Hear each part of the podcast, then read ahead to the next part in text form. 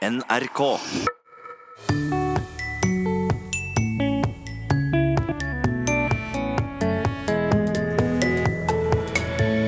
You all come to us young people for hope. How dare you? Greta Thunberg fyrte opp klimadebatten i FN forrige uke. Men hva er det med 16-åringens retorikk som gjør folk så rasende? Hun nærmest spyttet ordene ut i vrede, avmakt og forakt. Og det skal handle om stedsnavn. Egge, skinka, pannekaka, raspekaka. Ja, vi omgis av artige, pussige og oppsiktsvekkende stedsnavn. Gøril Grov Sørdal er aktuell med ny bok om temaet. Vel møtt til Språkteigen. Klimaaktivisten Greta Thunberg har satt fyr på klimadebatten verden over. Den svenske 16-åringen som starta sin klimakamp ved å sitte ned og protestere foran Riksdagen hver fredag, har etter hvert skapt en global bevegelse.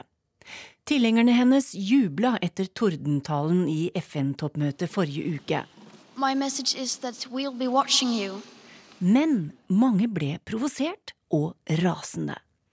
Hva er det med Greta Thunbergs retorikk som gjør folk sinte? Professor i retorikk ved Universitetet i Bergen, Jens Elmelund Kjeldsen. Du så og hørte talen hennes, og hva var din øyeblikksreaksjon på det du hørte? Jeg syns det var uhyre interessant. Fordi det som har vært veldig spesielt med, med Thunberg, er at hun har veldig sterke ord, men hun har en veldig nedtont framføring. Det ser ut som hun ikke har noen følelser inni seg, egentlig. Og det har skapt og gitt hun en helt særlig troverdighet. Fordi når en ungdom sier noe, hvis denne ungdommen er veldig emosjonell, øh, blir litt sånn for engasjert, så tenker vi å ja, disse engasjerte ungdommer de er jo veldig engasjert. Men de vet jo ikke så mye. Så det skjer noe med hele dynamikken når hun sier disse voldsomme tingene, og har veldig mye fakta, men er helt rolig i fremføringen. Mm. Men i den talen der, der var hun ikke det. Altså Hun satt jo fremdeles relativt rolig. Det var bare dette veldig sterke uttrykk i ansiktet. Hun nærmest spyttet ordene ut i vrede, avmakt og forakt. Hun var enormt emosjonelt beveget. This is all wrong. I shouldn't be up here. I should be back in school on the other side of the ocean.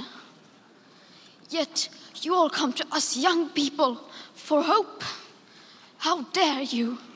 Var det ekte følelser, tror du? Jeg er helt overbevist om at det, det var ekte følelser.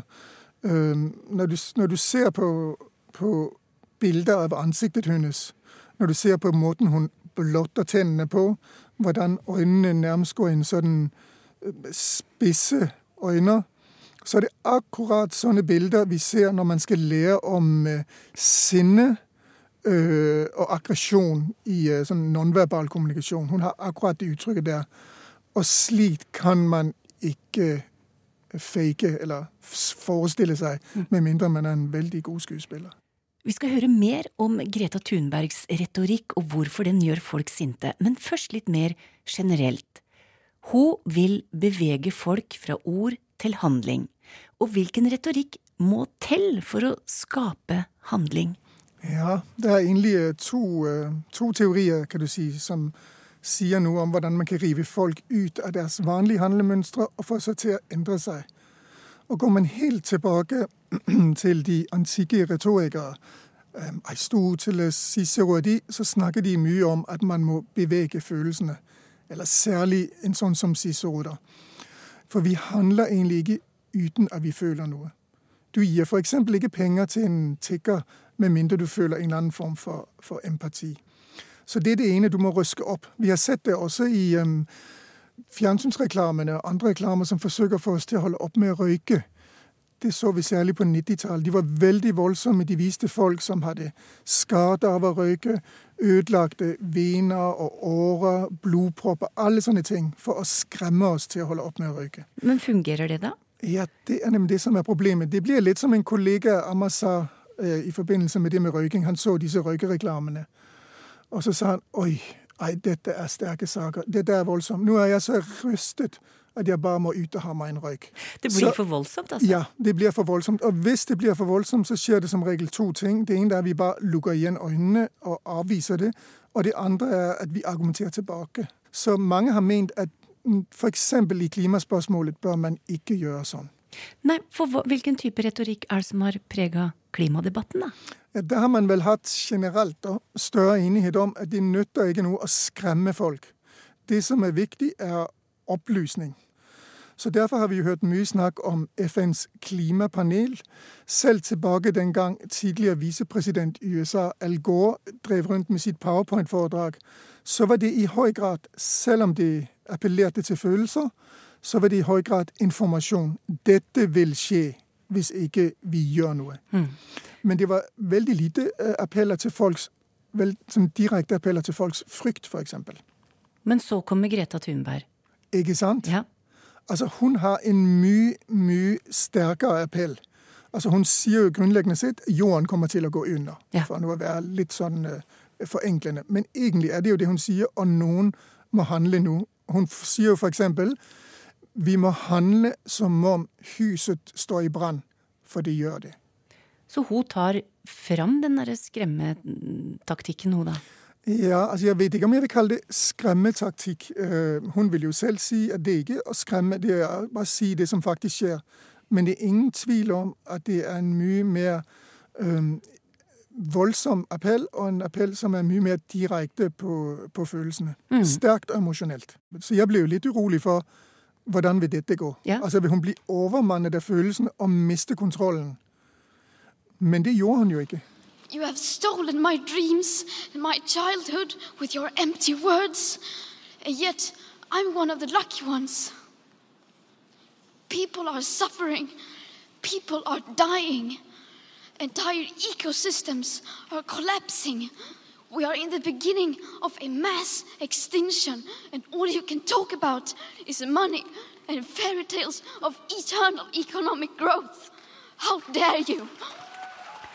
Så hva er hennes retorikk, da? Ja, for eksempel så vender hun på en måte mange ting øh, på hodet. Altså Hun uttrykker vrede over de voksne, politikerne, makten, eliten har sviktet jorden og hennes generasjon. Og så uttrykker hun også avmakt over at hun ikke kan gjøre noe med dette. Dette er på en måte vredens og avmaktens retorikk. Hun kan bare snakke og tale, og så er det alle de som har makten, som har sviktet. Og det hun gjør, det er at hun vender skal vi si, en sånn tradisjonell vending, språklig vending om. For vanligvis i mye politisk retorikk snakker man om, om dem mot oss, eller oss mot dem. Det ser vi i veldig mye politisk retorikk. Men det hun gjør, hun snakker om oss mot dere. Altså ungdommen mot de voksne. Ungdommen mot, mot uh, politikerne. Ungdommen mot makten. Hun bytter rett og slett rollen om. Det er normalt de voksne som irettesetter og instruerer ungdom i hvordan de bør oppføre seg. Men plutselig så er det ungdommen, eller mer presist hun, som belærer, irettesetter, instruerer og advarer. Hun sier eksempel vi vil holde øye med dere. Vi vil ikke lære dere slippe av sted med dette. Dere svikter oss. Hvis dere velger å svikte oss, så sier jeg vi vil aldri tilgi dere. Men hvorfor blir folk så rasende? Vi har hørt om politiske kommentatorer på høyresida i amerikansk politikk som mener at hun er en del av en svertekampanje. Mm. Hun er stempla som mentalt sjuk, og folk hamrer løs i kommentarfelta. Hvorfor det? Det er klart. Hvis du som far plutselig blir irettesatt av din datter eller din sønn, så er det en litt sånn ubehagelig opplevelse. Og hun sier eksempel Eh, i, i, mange av talene sier hun noe sånt som dere er ikke voksne nok til å si det som det er. Selv den oppgaven overlater dere til oss barn. Og det setter jo folk i en veldig uh, ubehagelig posisjon. Det andre er at hun har fått makt. Altså Så snart noen får makt, og det gjelder barn, ungdom, voksne, politikere Så snart du innehar en maktposisjon, da vil du bli angrepet. Mm. Så der vi sitter med dette lille klimaregnskapet vårt og syns at vi egentlig gjør vår lille skjerv når vi har panta tomflasker og kjøpt mm. oss elbil, og så dundrer det bare løs midt i ansiktet på oss, egentlig? Ja. Altså Når jeg rettferdiggjør overfor meg selv at når jeg panter flasker og spiser lite kjøtt og sånn, og så tar jeg kanskje en flytur, så blir det jo veldig voldsomt for meg og alle andre at hun plutselig er veldig aggressiv og sier kjære vene, dette holder bare overhodet ikke. Du må gjøre mer. Du har sviktet. Du er ikke voksen. Du er i hvert fall ikke oppgaven voksen. For jeg tror de fleste av oss føler at vi burde gjøre mer for klimaet, eller at det er noen ting vi ikke burde gjøre. For eksempel så er det mange av oss som føler at vi kanskje ikke burde fly så mye. Og så har vi likevel lyst til den ferien på Sicilien eller på Kreta. Og det vi så ofte gjør, det er at vi legitimerer for oss selv hvorfor vi gjør som vi gjør, selv om vi egentlig ikke burde gjøre det.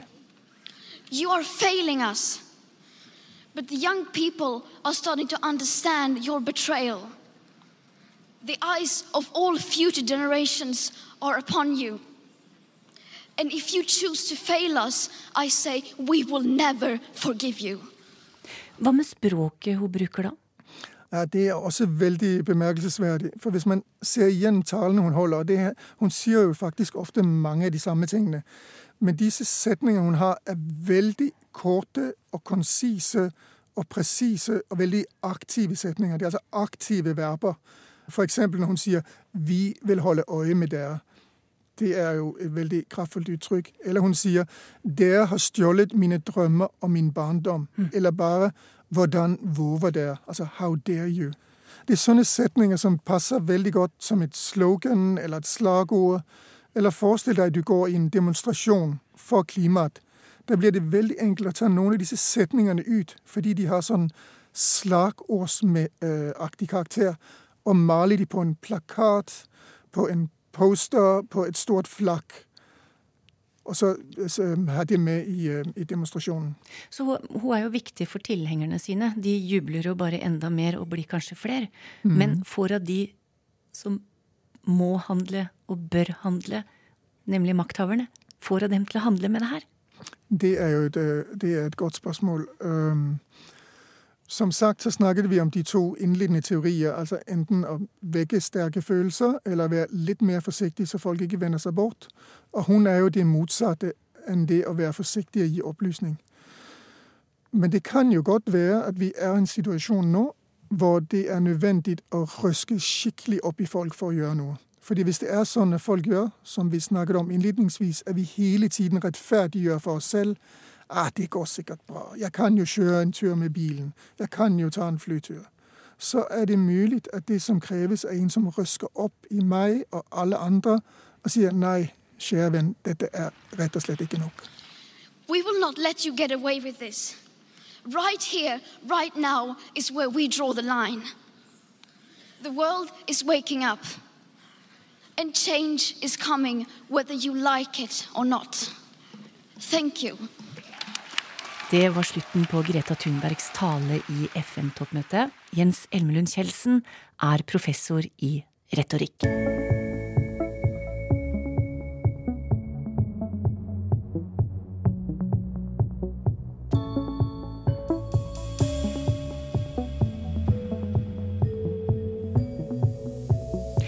Vi nordmenn har et spesielt forhold til stedsnavna våre.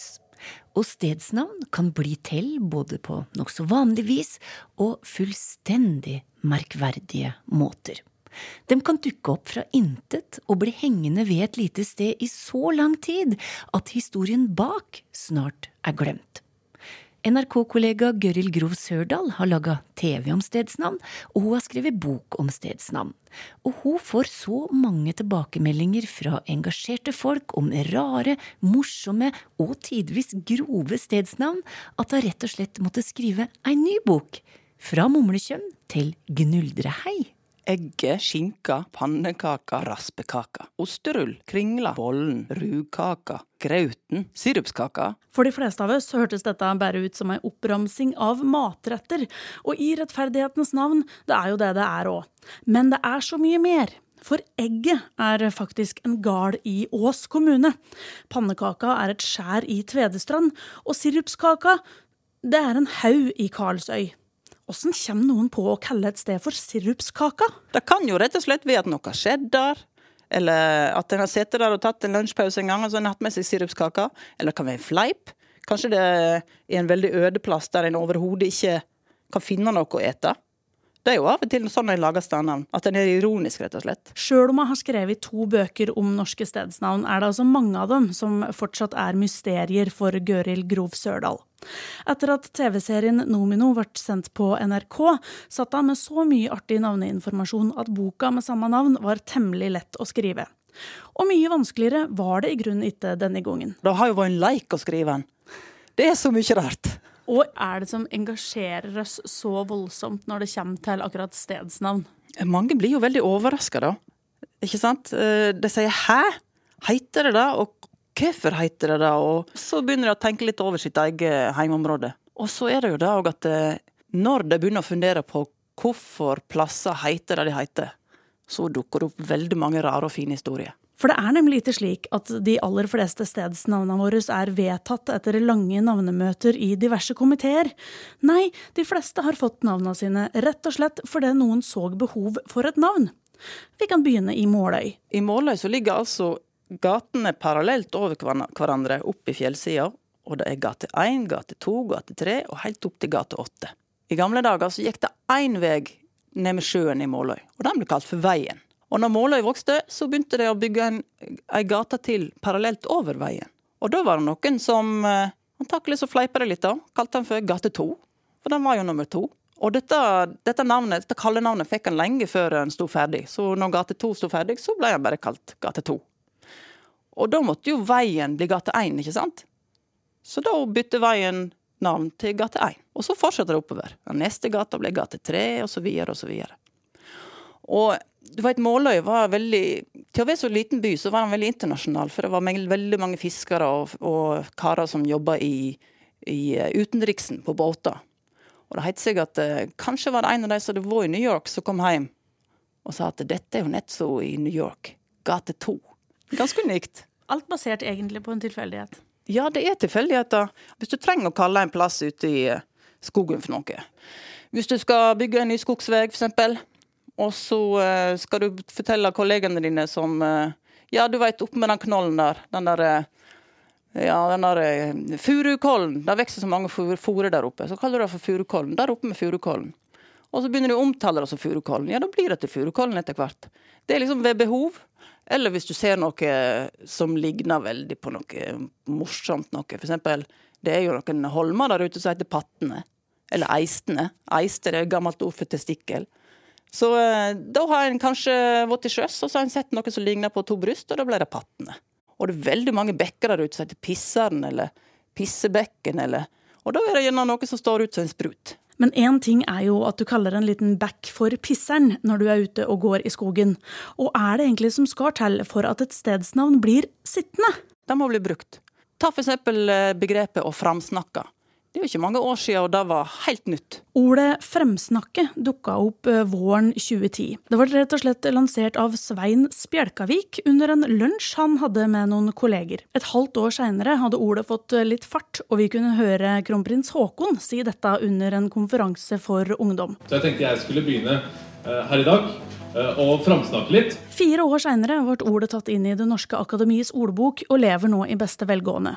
I likhet med mange pussige stedsnavn. Det var ei grend i Hyllestad i Sogn og Fjordane som ikke hadde veg. Og så var det en ordfører som på 60-tallet klarte å få bygd denne vegen. Og den hadde altså en kort tunnel, en 50 meter lang tunnel. Og på en måte så fikk han han kalt opp etter seg. For ordføreren heter Bruknapp, og tunnelen ble kalt Knapphullet. Og for dem som kjenner historien, er det kanskje det naturligste navnet i verden. For oss andre vil det kanskje bli sett på som litt pussig om vi bare kjører forbi. Og er det egentlig som gjør et navn til pussig eller rart? Ja, det var jo rett og slett ei lita nøtt. Fordi det som jeg syns er rart, det er jo ikke sikkert andre syns at det er rart. Det er jo ganske subjektivt, eh, men jeg kan jo lese noen av de som er på lista mi over rare steder. Mumillom, Posemosen, Potettjuen, Rumpeporten, Rundt om, Buseneset, dunkehybelen, lakenet, dyna og puta, kukkeluren, hjelp, husvegg, hink om hank, timpeltut, stolposen og brokarskitten. Men sjøl om det finnes mange rare og pussige navn, er det rett og slett ikke alle som får lov til å leve. I 2010 nådde et hyttefelt i Engerdal nyheten pga. en navnefeide. Det var altså eh, Engerdal kommune som vedtok å forandre vegnavnet Østfjellveien til Knullmurveien.